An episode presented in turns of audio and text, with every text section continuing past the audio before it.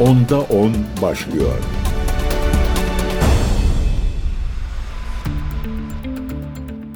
Değerli CGTN Türk takipçileri ben Gökün Göçmen 10'da 10 programına hoş geldiniz. Haftanın son mesai günündeyiz. Şöyle bir toparlayalım dünyada neler oldu neler bitti. Elbette odak noktamız ihtilaf bölgeleri çatışma bölgeleri olacak. Orta Doğu'ya bakacağız ardından Rusya-Ukrayna hattına uzanacağız ve Avrupa'da neler olup neler bitiyor ki en önemli gündem maddelerinden bir tanesi de protestolar, çiftçi protestoları, eylemleri bunlar Bunlara da dilimiz döndüğünce sizlere aktaracağız efendim. Başlayalım o halde Amerika Birleşik Devletleri'nin Gazze'ye dair, Filistin'e dair ertesi gün planlarıyla yani çatışmalar, savaş bittikten sonra neyi düşünüyor Amerika Birleşik Devletleri? Nasıl bir Orta Doğu'da nizam hayal ediyor? Buna dair gazetelerde haberlere artık daha fazla yer verilmeye başladı. E, ateşkes dahi şu anda pamuk ipliğine bağlı taraflardan herhangi bir açıklama gelmedi. O da onda onun gündeminde var zaten ama görünen o ki Amerika Birleşik Devletleri bir anda savaş sonrası döneme odaklandı. İki ABD'li yetkilinin Aşios'a verdiği bilgilere göre Dışişleri Bakanı Antony Blinken, Dışişleri Bakanlığı'ndan Gazze'deki savaşın ardından bir Filistin devletinin ABD ve uluslararası alanda tanınma olasılığına ilişkin bir inceleme yapmasını istedi. ABD'li yetkililer her ne kadar herhangi bir politika değişikliği olmadığını söyleseler de farklı yönde gelişmelerin yaşandığını bildiren Aşios şunları vurguladı. Dışişleri Bakanlığı'nın bu tür seçenekleri değerlendirmeye alması hem uluslararası hem de ülke için oldukça hassas olan Filistin devletinin olası tanınması konusunda Biden yönetiminde bir düşünce değişikliğine işaret ediyor olabilir. Ki New York Times'ta da önemli bir makale vardı. Orada da Thomas Friedman'ın yazdığı bir makale. Ona da geleceğiz. Bir Biden doktrininden bahsedilmeye başlandı. Üst düzey bir ABD'li yetkilinin Gazze'deki savaştan diplomatik bir çıkış yolu bulma çabalarının birçok eski ABD paradigması ve politikasının yeniden düşünülmesine kapı açtığını aktaran Aşios makalesine şöyle devam etti. Biden yönetimi İsrail ve Suudi Arabistan arasındaki olası normalleşmeyi savaş sonrası stratejisinin bir parçası olarak bir Filistin devletinin kurulması için bir yol yaratılmasına bağlıyor. Bu girişim yönetimin 7 Ekim'den önce Suudi Arabistan ile Krallık ve İsrail arasında bir barış anlaşmasını da içeren bir mega anlaşmayı müzakere etme çabalarına dayanmakta. Yani 7 Ekim sonrası oluşan bu karanlık tablonun mimarlarından Washington yönetimi şimdi bir mega proje üzerinde çalışıyormuş. Aşıyorsa bilgi veren ABD'li kaynaklar bunları söylüyor. Suudi yetkililer 7 Ekim'den bu yana kamuoyu önünde ve özel olarak İsrail ile yapılacak herhangi bir potansiyel normalleşme anlaşmasının Filistin devletine doğru geri dönülemez bir yol yaratılması şartına bağlıyorlar. Bu da Amerika Birleşik Devletleri'nin hesaplarında not ediliyor. Evet Suudi Arabistan özellikle bir Filistin devleti kurulmadığı müddetçe İsrail ile normalleşmeyi askıya alacaklarını söylemişti. Peki neden ABD için İsrail'in bölge ülkeleriyle Suudi Arabistan'la Birleşik Arap Emirlikleri ile diğer ülkelerle normalleşmesi önem ihtiva ediyor. Çünkü Orta Doğu'daki meseleleri büyük oranda e, artık İsrail'e devretmek isteyen Washington yönetiminin hedefi Asya'ya odaklanmak ki NATO'nun yaptığı bu Çin açıklamaları da tesadüf olmasa gerek. İşte bu normalleşmeyi tam sağlamaya yakınlaştığı noktada Hamas'ın 7 Ekim saldırısı gerçekleşmişti. E, konunun uzmanları ben de dahil olmak üzere bu 7 Ekim saldırısının Filistin direnişi için en büyük kazanımlarından bir tanesinin İsrail ile Arap ülkeleri arasındaki normalleşmeye vurulan darbe olduğunu söyleyebiliriz. Çünkü o dakikadan itibaren bütün ülkeler İsrail ile anlaşmalarını askıya almışlardı. Normalleşme görüşmelerini askıya almışlardı. Dolayısıyla şimdi Gazze'deki ertesi gün senaryolarında ABD bu normalleşmeyi tamamlamak, bölgedeki yükünden bir nebze de olsa kurtulmak ve Asya Pasifik'e yüklenmek istiyor. Diğer taraftan da elbette Rusya'yı yıpratacak uzun bir Ukrayna savaşı devam edebildiği müddetçe e, sahada olmaya devam edecek. Ancak e, artık öncelikler değişti. Orta Doğu e, ABD'nin öncelikler listesinde gerilere doğru düşüyor. Bu Biden yönetiminde de böyleydi. Trump döneminde de böyleydi efendim. Nasıl tanımlıyordu Trump Orta Doğu'yu? Kan, gözyaşı, ateş ve kumdan ibaret olarak tanımlıyordu. E, geleneksel artık yakıtların da işte petrolün de biraz daha değerinin azalmasıyla birlikte e, ABD zannediyorum ki listenin gerilerine doğru Orta Doğu'yu itmeye başladı. Ta ki 7 Ekim'e kadar 7 Ekim bir milat. Suudi yetkililerin açıklamalarını anımsattık. Aşios şöyle devam etti makalesine. Üst düzey ABD'li yetkili Biden yönetimi içindeki bazı kişilerin artık Filistin devletinin tanınmasının İsrail-Filistin çatışmasını çözmeye yönelik müzakerelerde muhtemelen son adım yerine ilk adım olması gerektiğini düşündüğünü söyledi. Yani eskiden ABD şöyle bir yol haritası izliyordu. Bütün meseleler çözüldükten sonra Filistin devletini de konuşuruz. İki devletli çözümü de konuşuruzdu. Artık iki devletli çözüm ABD'nin e, ilk olarak ortaya e, atacağı öneriler arasında olacakmış. İddialar bunlar. Elbette iddialar olduğunun altını çizelim. ABD'nin bu konuyla ilgili eyleme geçmesi için çeşitli seçenekler bulunduğunu söyleyen kaynaklar şu şekilde sıralamış bu seçenekleri. Birincisi Filistin devletinin ikili olarak tanınması. İkincisi Birleşmiş Milletler Güvenlik Konseyi'nin Filistin'i tam BM üyesi devlet olarak kabul etmesini engellemek için veto hakkının kullanılmaması.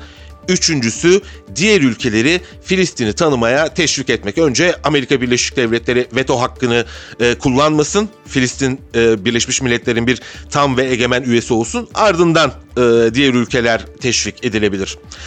Aşios yukarıdaki seçenekleri, bu bahsettiğim seçenekleri e, paylaştıktan sonra da bir şöyle bilgi eklemiş. ABD'li yetkililer Filistin devletinin tanınmasına ilişkin seçeneklerin gözden geçirilmesinin Blinken'ın Dışişleri Bakanlığı'ndan incelenmesini istediği çeşitli konulardan biri olarak olduğunu söyledi. ABD'nin ileride nasıl bir Filistin devleti tasavvur ettiği hakkında verilen e, bilgiler de şu şekilde. İki ABD'li yetkili Blinken'ın ayrıca askerden arındırılmış bir Filistin devletinin dünyadaki diğer modellere göre nasıl görüneceğine dair bir inceleme istediğini açıkladı. Hep vurguladığımız üzere siyaset biliminin de altın kuralıdır bu. Bir devleti devlet olarak e, tanımlamamız için o devletin güç kullanma tekeline, potansiyeline sahip olması gerekiyor. E, ordusu olmayan bir Filistin devletinin bir devlet olmayacağı da muhakkak kağıt üzerinde her ne derece devlet olarak bahsedilse de kendisini savunacak e, bir e, güç potansiyeli olmadığı müddetçe bu bir devlet değildir. İşte ABD'nin hayali buymuş. E, görece İsraillerin de hayali bu olabilir diye düşünüyorum. Askerden arındırılmış bir Filistin devleti fikri İsrail Başbakanı Benjamin Netanyahu'nun zaten 2009 ile 2015 yılları arasında değinmediği bir fikir değildi. Yine bunu gündeme getirmişti. ABD'li bir yetkili böyle bir incelemenin amacının iki devletli çözümün İsrail'in güvenliğini sağlayacak şekilde nasıl uygulanabileceğine ilişkin seçenekleri incelemek olduğunu söylemiş. Söz konusu yetkilinin Blinken'ın herhangi bir yeni politika değişikliğine imza atmadığını, Dışişleri Bakanlığı'nda zaten bunların uzunca bir süredir konuşulduğunu söylemiş. Beyaz Saray Ulusal Güvenlik Konseyi sözcüsü şu açıklamalarda bulunmuştu. Onu da sizlere hatırlatalım. Filistin devletinin tanınması BM'de tek taraflı tanınma yerine taraflar arasında doğrudan müzakereler yoluyla gerçekleşmesi gerektiği yönündeki ABD'nin uzun süredir devam eden politikasıdır. Bu politika zaten değişmedi ifadelerini kullanmıştı. Beyaz Saray bir taraftan da böyle köklü bir politika değişikliğimiz yok derken basın kurumları, e, yorumcular, uzmanlar bambaşka bir denkleme geçildiğini düşünüyor. Ama tabii biz bunları konuşurken daha ateşkes pamuk ipliğine bağlı Gazze'nin katliamları devam ediyor. New York Times'ta da bahsettiğim üzere programın girişinde bir Biden doktrininden bahsediliyor. Thomas Friedman ünlü yazarlarıdır New York Times gazetesinin. Ee, Thomas Friedman imzalı yazıda ABD yönetiminde Orta Doğu için 3 aşamalı bir Biden doktrininin oluşmak üzere olduğu belirtildi. Joe Biden yönetiminin İsrail ve Gazze'deki saldırıları ile İran ve bölgeyi kapsayan bir stratejisinin ortaya çıkmak üzere olduğu aktarılan yazıda Biden doktrini olarak adlandırılan bu e, yol haritasının olmaması halinde Orta Doğu'daki krizin İran'ı güçlendireceği, İsrail'i izole edeceği ve ABD'nin olayları etkileme yeteneğini parçalayacağı söylenmiş. Yani diyor ki Thomas Friedman, Biden yönetimi hayata geçmezse İran güç kazanacak, İsrail izole edilecek yani yalnızlaşacak.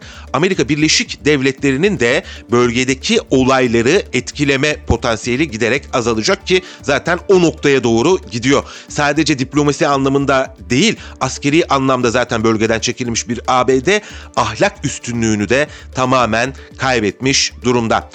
New York Times'ta yayımlanan yazıda bu doktrinin ilk ayağının İran'a karşı güçlü ve kararlı bir duruşun yanı sıra Ürdün-Suriye sınırında 3 ABD askerinin öldürüldüğü saldırıya cevaben İran'ın bölgedeki vekillerine karşı güçlü misilleme yapılmasının da e, bu plan dahilinde olduğu belirtildi.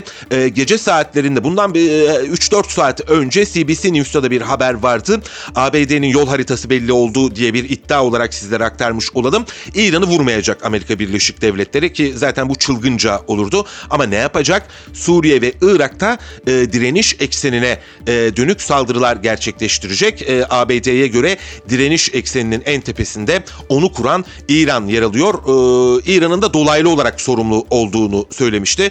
Dolayısıyla bu Kule 22 saldırısına dolaylı bir yanıt verecek. Madem İran dolaylı olarak arkasında e, Washington yönetimine göre bir dolaylı yanıt verilecek. E, bunu da bahsetmiş olalım. İkinci ayağa geçelim. Biden doktrinin ikinci ayağı. İlk ayakta İran'ın bölge vekillerine bir saldırıymış tırnak içerisinde.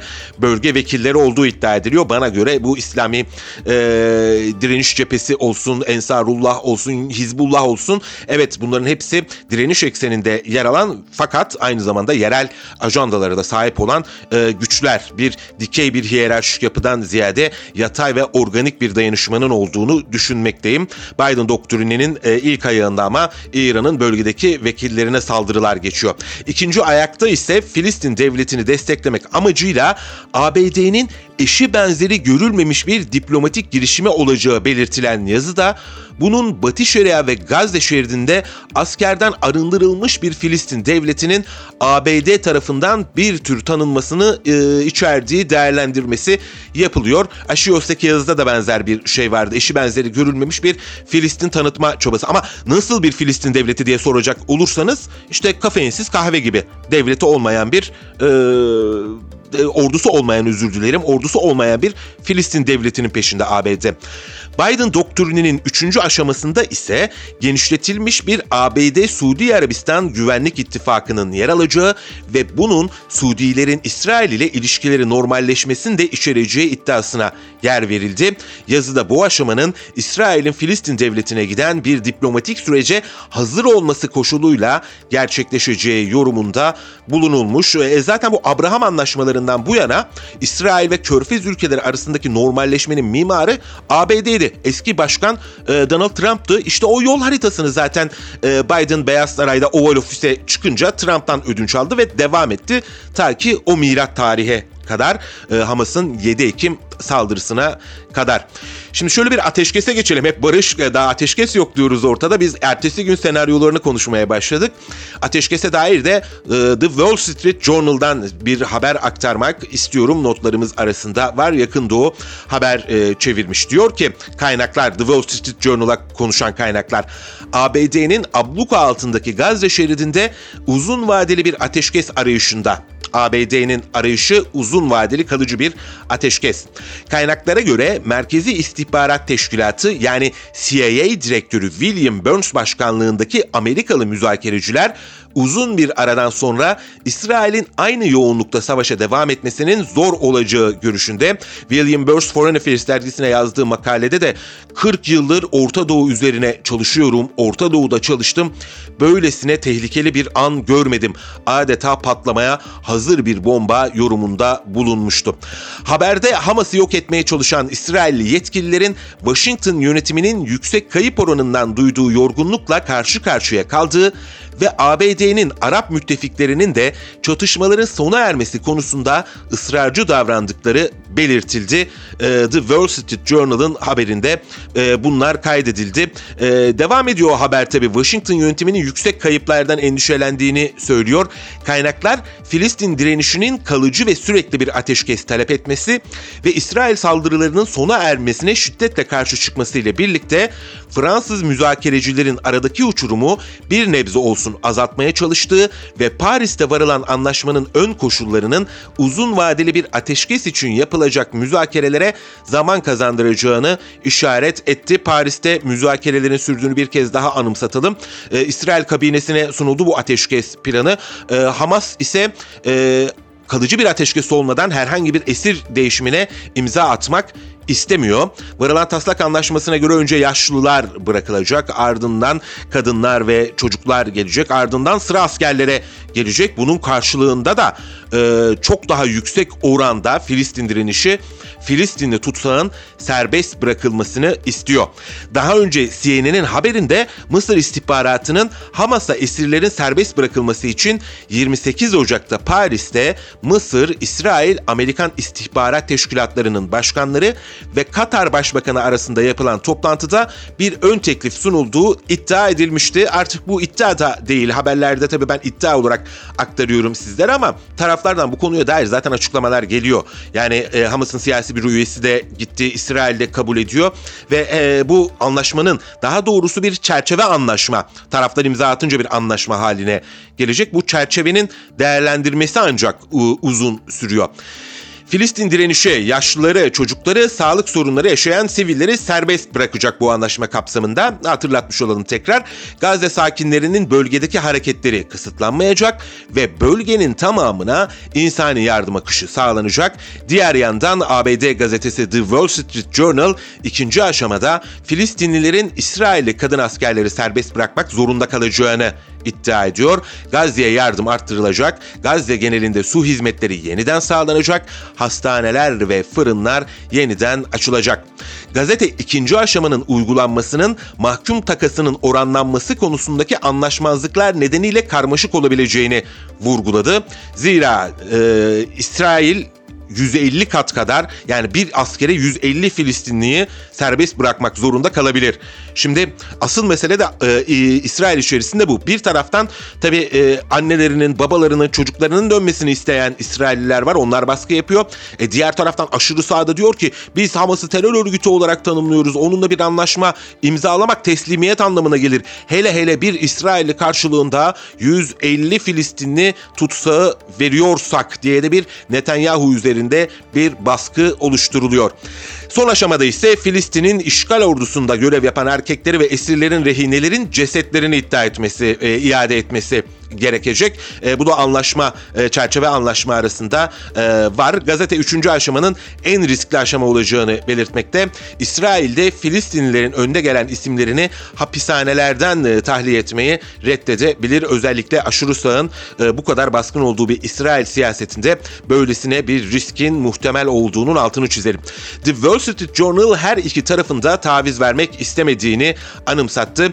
Gazetenin kaynaklarına göre Hamas'ın Gazze lideri Yahya Yasin var. Bölge 4 aydır İsrail bombardımanına direndiği için şu anda güçlü bir pozisyonda olduklarını düşünüyor ki bu düşüncesinde haksız sayılmaz. E, New York Times'ta geçtiğimiz günlerde yine bir haber vardı doğrudan e, ABD'li askeri kaynaklar şunu söylüyorlar. Diyorlar ki bu kadar katliama karşın İsrail Hamas'ın ne bir üst düzey yöneticisini öldürebildi ne de yakalayabildi. E peki kim hedef oldu? İşte uluslararası kurumların verdiği raporlara bakalım. Hayatını kaybedenler kadınlar, çocuklar, yaşlılar. İşte İsrail'in e, Hamas'ın 7 Ekim saldırısına verdiği karşılık böyle bir katliam oldu. İsrail Başbakanı Benjamin Netanyahu da Gazze'de asker bulundurma konusunda kararlı bu arada. Tabii ki hem Filistin ordusu olmasın bir de bizim askerlerimiz olsun diye düşünüyor. İşte bu e, ahval ve şeriat içerisinde efendim Bloomberg de dedi ki e, çok fazla beklenti içerisinde olmamak lazım. Bloomberg haber kuruluşuna konuşan ismi belirtilmeyen kaynaklar hep öyledir. isminin açıklanmaması kaydıyla konuşan kaynaklar abluka altındaki Gazze şeridinde Filistin direnişi tarafından tutulan esirlerin serbest bırakılmasına ilişkin çok taraflı müzakerelerin devam ettiğini ancak önümüzdeki günlerde bir ilerleme beklenmemesi gerektiğini iddia etti. Kaynaklara göre taraflar arasındaki istişareler henüz erken bir aşamada ve önümüzdeki günlerde önemli bir gelişme beklenmemekte. Ayrıca kaynaklar diyaloğun başarı şansının yüksek olduğunu ve Filistin topraklarında uzun vadeli bir ateşkesi beraberinde bu anlaşmanın getirebileceğini düşündü. Merkezde Mısır var, Katar var, Filistin var. İşte ABD zaten e, bir oyun kurucu olmaya çalışıyor. Şimdi bu Biden doktrininden ilerleyen günlerde daha da fazla bahsederiz. Ne kadar gerçekçi, ne kadar uygulanabilir ama e, hala yeni bir denklem e, kurma niyetinde olduğu da e, ortada. Şimdi Gazeteye konuşan kaynaklara göre bu diyaloğun başarı şansı yüksek ama riskleri de bir o kadar var. Geçtiğimiz günlerde NBC televizyonu Mısır, İsrail, Katar ve ABD'li müzakerecilerin yeni bir esir takası anlaşmasının temel şartları üzerinde mutabakata vardığını öne sürmüştü. Bu arada ben size hep bu isimleri aktarıyorum ülkeleri. Mısır var, İsrail var, Katar var, ABD var, İngiltere denklemin içerisinde. Türkiye nerede burada? Yani e, uzunca bir süredir eylemler dışında herhangi bir diplomatik gelişme gelişmeye tanıklık etmiyorum. Kaynaklara göre, Bloomberg'e konuşan kaynaklara göre anlaşma başta kadın ve çocuklar olmak üzere esir alınan Amerikalı ve İsraillilerin aşamalı olarak serbest bırakılmasını, çatışmalara ara verilmesini ve bölgeye insani yardım ulaştırılmasını öngörüyor. Ayrıca tabii ki en önemli gündem maddelerinden bir tanesi Hamas içinde öyle. E, Filistinli tüm direniş grupları içinde öyle. Ne kadar Filistinli tutsağın, mahkumun İsrail tarafından serbest bırakıla, bıra, bırakılması gerektiği. Şimdi Filistin direnişine göre bir tane İsrail'e verecekler, 150 tane tutsak alacaklar. İşte düğüm de burada. Ayrıca tabii sadece bir ateşkes değil, kalıcı bir ateşkes de isteniyor. E, Filistinli direniş grupları tarafından. Filistinli direniş gruplarına geçelim o halde. Ee, anlaşmanın merkezinde onlar olacak neticede. Şimdi onlara yakın bir haber kaynağı da var. El Mayedin televizyonu direniş eksenine e, yakın doğrudan orayla ilintili e, olduğu öne sürülen bir kanal. El Mayedin televizyonuna konuşan Hamas ve İslami Cihat'ın üst düzey yetkilileri ateşkes anlaşmasına ilişkin önemli açıklamalarda bulundular. Hamas'ın yurt dışı ulusal ilişkiler birim başkanı Ali Bereke, Hamas'ın muhtemel bir anlaşma konusunda diğer direniş gruplarıyla iletişim halinde olduğunu söyledi. Bu diğer gruplarla iletişim halinde olma meselesi önemli. Biz 7 Ekim'e de doğrudan Hamas'ı işaret ediyoruz. Doğrudur oyun kurucu o, ağırlığı o, planı yapan o. Ama diğer Filistinli direniş örgütleri de destek verdiler bu 7 Ekim'deki saldırıyı. Onu da unutmayalım. E, dün de bu arada e, başka bir açıklama gelmişti. Abbas'tan bu açıklama gelmişti. O da demişti ki biz e, Gazze ayrı, Batı Şeria ayrı bir e, gelecek düşünmüyoruz. Bizim kaderimiz Filistinliler olarak ortak demişti. Mahmut Abbas'tan bahsediyorum. E, böyle bir birleşik bir görüntü vermeye doğru gidiyor. Ama e, tabii arka plana geçince halledilmesi gereken de bir sürü mesele var.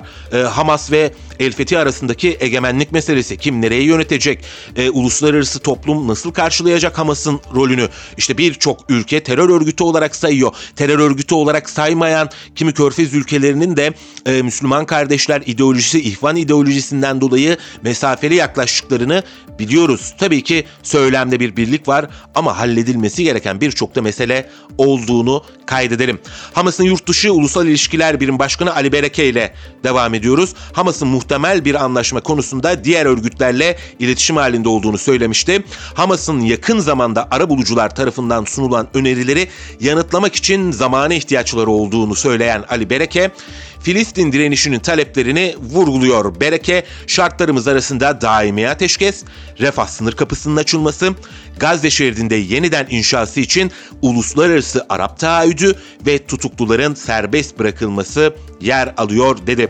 Ali Bereke, direniş tarafından Gazze'de tutulan İsrailli tutukluların serbest bırakılmasının İsrail zindanlarındaki Filistin rehinelerinin serbest bırakılmasıyla mümkün olabileceğini belirtti. Ayrıca Hamas Siyasi Büro Başkanı İsmail Heniye tarafından Mısırlı ara buluculara sunulacak yanıtın sadece Hamas'ı değil tüm Filistinli direniş gruplarının temsil edileceği söyleniyor.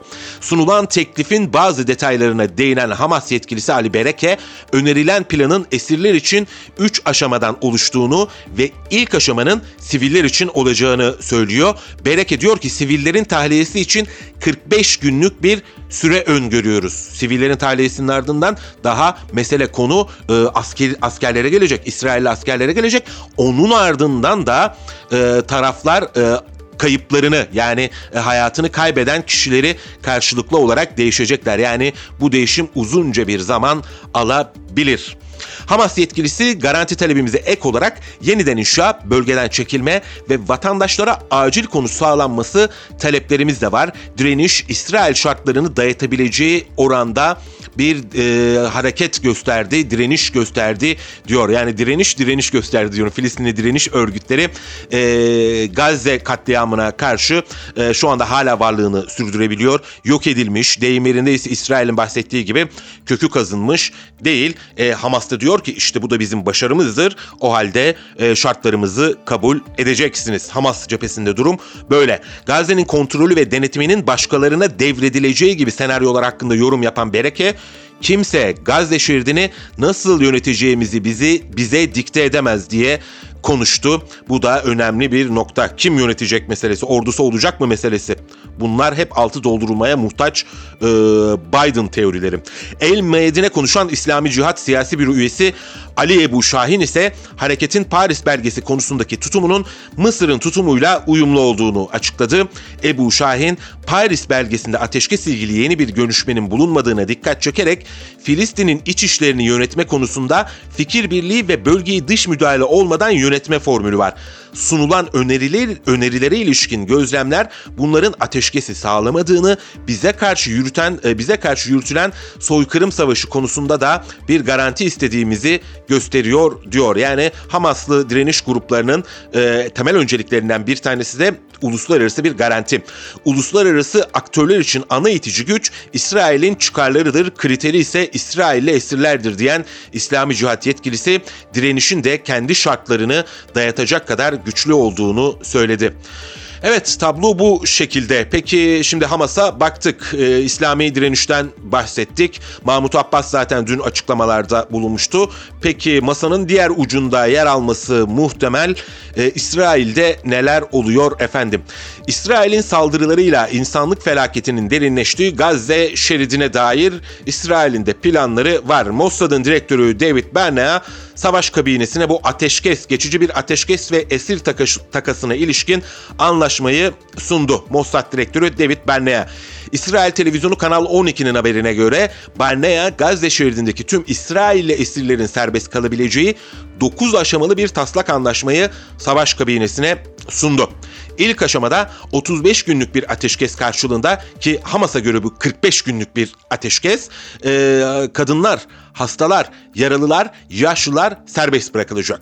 İkinci aşamada görüşmelerin sürmesi için ateşkesin bir hafta uzatılabileceği, Hamas'ın savaşçı olarak kabul ettiği kişilerin ve erkek esirlerin serbest bırakılması üzerinde müzakerelerin yapılabileceği öngörülüyor. Haberde İsrail'in hapishanelerinde kaç Filistinli esirin serbest bırakılacağına dair bir detay verilmedi. İşte tablo bu şekilde. Hamas'ın önde gelen Filistinli sembol isimlerin serbest kalmasını talep ettiği, buna karşı Tel Aviv'in daha düşük profilli esirleri serbest bırakmayı istediği öne e, sürülüyor. Tabii kimle yani kaç kişinin bırakılacağı kadar kimlerin bırakılacağı da bir e, o kadar önemli.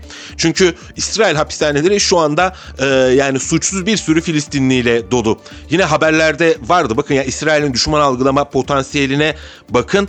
E, Gazze şeridinde bir buçuk ay boyunca Alzheimer hastası bir kadını direniş savaşçısı olduğu gerekçesiyle tutuyorlar, esir alıyorlar. Yani e, İsrail için dost, düşman, e, sivil, asker herhangi bir ayrım yok. Herhangi bir ayrım yok.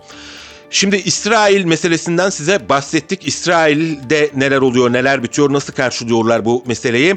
E, Hamas'ın yanıtlarını verdik, İslami direnişin yanıtlarını verdik. E, bir de Gazze'nin dibinde bir koridor meselesi var. Selahaddin koridoru ya da uluslararası alanda bilindiği haliyle Philadelphia koridoru. Bu Philadelphia koridoru, Selahaddin koridoru e, Gazze ve Mısır arasında yer alıyor ancak tartışmalı bir bölge. Bir zamanlar İsrail'in askerleri vardı. Daha sonra Mısır'a bırakıldı. Daha sonra Filistinli güçlere bırakıldı. Şimdi bir belirsizlik hakim bu Selahaddin koridorunda. Mısır medyasında kimi haberler çıkmıştı daha önce. E, denmişti ki bir anlaşma görüşmesi sürüyor bu Philadelphia konusunda. Yine Mısır medyasındaki iddialara göre de bu haberler asılsızmış efendim. Mısır'da hükümete yakınlığıyla bilinen Kahire El İhbariye televizyonunun kanalına konuşan ismi açıklanmayan Mısırlı üst düzey bir güvenlik yetkilisi İsrail basınında da yer alan Kahire ve Tel Aviv yönetimlerinin Refah şehri ve Philadelphia koridoru konusunda mutabakata vardığı yönündeki haberlere ilişkin açıklamalarda bulundu. Mısırlı yetkili ülkesinin Refah kenti ve Philadelphia koridoru konusunda İsrail ile anlaşmaya varması veya söz konusu koridora ilişkin herhangi bir teknolojik imkan tesis edilmesi yönünde ortaya atılan söylentileri yalanladı. Söz konusu yetkili Philadelphia koridoruna ilişkin yeni bir güvenlik düzenlemesinin bulunmadığını vurguladı. Ee, İsrail medyasında da Mısır medyasında da yer almıştı. Özellikle İsrail Ordu Radyosu'nun haberinde Tel Aviv ve Kahire yönetimlerinin e, Selahaddin koridoru yani Philadelphia koridorunun kontrolüne ilişkin anlaşmaya yakınlaştığı iddia edilmiş. Refah kentindeki Filistinlilerin Gazze şeridinde bir başka bölgeye tahliyesinin ardından İsrail'in Mısır ile varılması beklenen anlaşma uyarınca Philadelphia koridoru üzerinde kesin bir nüfuza sahip olacağı öne sürülmüştü. Yani İsrail tekrar kesin bir nüfuza sahip olmak istiyor. Amerika'dan yayın yapan Axios haber sitesi de İsrail İç İstihbarat Teşkilatı Şinbet ya da bir başka adıyla Şabak direktörü Ronen Bar'ın abluka altındaki Gazze şeridine yönelik saldırıların ardından Mısır ile yaşanan gerilimi görüşmek üzere Kahire'yi ziyaret ederek Mısır İstihbarat Başkanı Abbas Kamil ile görüştüğünü duyurmuştu. Bar'ın ziyaretinin İsrail'in Gazze'nin Refah kentiyle Philadelphia koridoruna asker gönderme planlarının gündeme gelmesiyle iki ülke arasında yükselen tansiyonun ardından gerçekleşmesine dikkat çekilmişti. Şöyle bir Selahaddin koridoruna dair geçmişe uzanalım. Nereden nereye gelmiş bu koridorun e, statüsü Philadelphia koridoru Selahattin koridoru olarak da biliniyor. Gazze ile Mısır arasında yer alan bu koridor 79'da Mısır ile İsrail arasında imzalanan Camp David anlaşması kapsamında tampon bölgede yer almakta. Koridor 14,5 kilometre uzunluğunda, birkaç yüz metre genişliğinde ve Akdeniz'den başlayıp Kerem Ebu Salim sınır kapısına kadar uzanıyor. Camp David anlaşmasına göre Philadelphia koridoru Filistin toprakları arasında yer alıyor ancak belirli sayıda yani 180 zırhlı araç ve 4000 asker İsrail güçlerinin kontrolüne bırakılmıştı. Sınırın öbür tarafında ise hafif silahlı Mısır polisinin bulunmasına izin veriliyor. Philadelphia koridoru Ağustos 2005'te İsrail'in Gazze şeridinden çekilmesine kadar İsrail güçlerinin kontrolünde kaldı ve bu tarihte Avrupa Birliği'nden gözlemcilerin huzurunda Filistin yönetimine teslim edildi. Eylül 2005'te İsrail ile Mısır arasında 1979 Barış Anlaşması'nın güvenlik maddesine ek olarak söz konusu koridorla ilgili bir anlaşma yapıldı. Anlaşmada Mısır'ın Gazze sınırında terör, kaçakçılık ve tünellerin tespiti gibi görevlerden sorumlu 750 sınır muhafız askeri bulundurması ve İsrail güçlerinin çekildiği Philadelphia koridorunun Filistin yönetimine teslim edilmesi yer aldı. Filistin'de 2006'da yapılan seçimleri Hamas kazanmıştı biliyorsunuz. O tarihten sonra da onların kontrolüne geçmiş bulundu. İşte Gazze'de, işte Orta Doğu'daki tablo bu şekilde özellikle ABD basınına şöyle bir göz attık. New York Times'a baktık, The Wall Street Journal'a baktık, Bloomberg'e uzandık. Oradan Orta Doğu'ya, El Mayedin'e uzandık. Neler konuşuluyor, Hamas neler söylüyor. Direniş eksenine yakın basın taramasına da e, devam edeceğiz. Şimdi kısa bir araya gidelim. Sonrasında Rusya-Ukrayna hattına uzanalım. Bir de ABD e, Savunma Bakanı Lloyd Austin'in bir hastalığı vardı. Özür diledi adam. Niye özür diledi? Orta Doğu ile ilgili neler söylüyor? Onları da sizlere aktaracağız. Neler konuştuk? Orta Doğu'yu konuştuk. ABD'nin hayalini, ertesi gün planları konuştuk. Ama en önemli noktalardan bir tanesi elbette Biden doktrini. İlerleyen günlerde de altı muhtemelen Beyaz Saray tarafından doldurulacak bir doktrinden bahsediyoruz. Henüz New York Times'ın haberi Thomas Friedman'ın köşe yazısı olarak karşımızda duruyor. Ancak zaten ABD'nin bölgede attığı adımlar da bu yazılan yazıyla paralellik gösteriyor. Peki neydi Biden doktrini? Hemen şöyle 3 tane maddesini sizlere tekrar özetlemiş olayım ki ilerleyen günler için hazırlığımız olsun. Birinci madde İran'ın bölgedeki vekillerine Amerika Birleşik Devletleri onları vekil olarak tanımlamayı tercih ediyor. Ee, ben size şöyle söyleyeyim. Direniş eksenine e, mensup gruplar e, kim olabilir? Hizbullah olabilir, Ensarullah Yemen Hareketi Husiler olabilir, Irak ve Suriye'deki gruplar da direniş eksenine dahil. Şimdi Biden doktrininin ilk amacı doğrudan İran olmasa da e, İran'ın en tepesinde bulunduğu direniş eksenine ait grupları hedef almak. Böylelikle İran'ın bölgedeki nüfuzunu kırabileceğini düşünüyor Beyaz Saray yönetimi. İkinci aşamada Filistin devletinin tanınması yer alıyor. Ancak Filistin devleti derken Biden yönetiminin öyle bir devlet hayali Filistin devleti hayali var ki ordusu olmayan bir devletten bahsediyor. Üçüncü aşamada ise İsrail Arap normalleşmesinin, İsrail Körfez normalleşmesinin devam etmesi kaldığı yerden 7 Ekim'de kesintiye uğramıştı. Ki bu sayede Biden yönetimi de e, Orta Doğu'daki e, yüklerinden, bagajından kurtularak daha rahat bir biçimde Rusya ve Çin'e odaklanabilir. İşte Biden doktrininin üç temel aşaması bu şekilde e, ateşkes e, görüşmelerini de aslında bu e, Biden doktrini belirleyecek kalıcı bir ateşkesi bu nedenle istiyorlar. ABD Savunma Bakanı Lloyd Austin dün kameralar karşısına geçti özür diledi.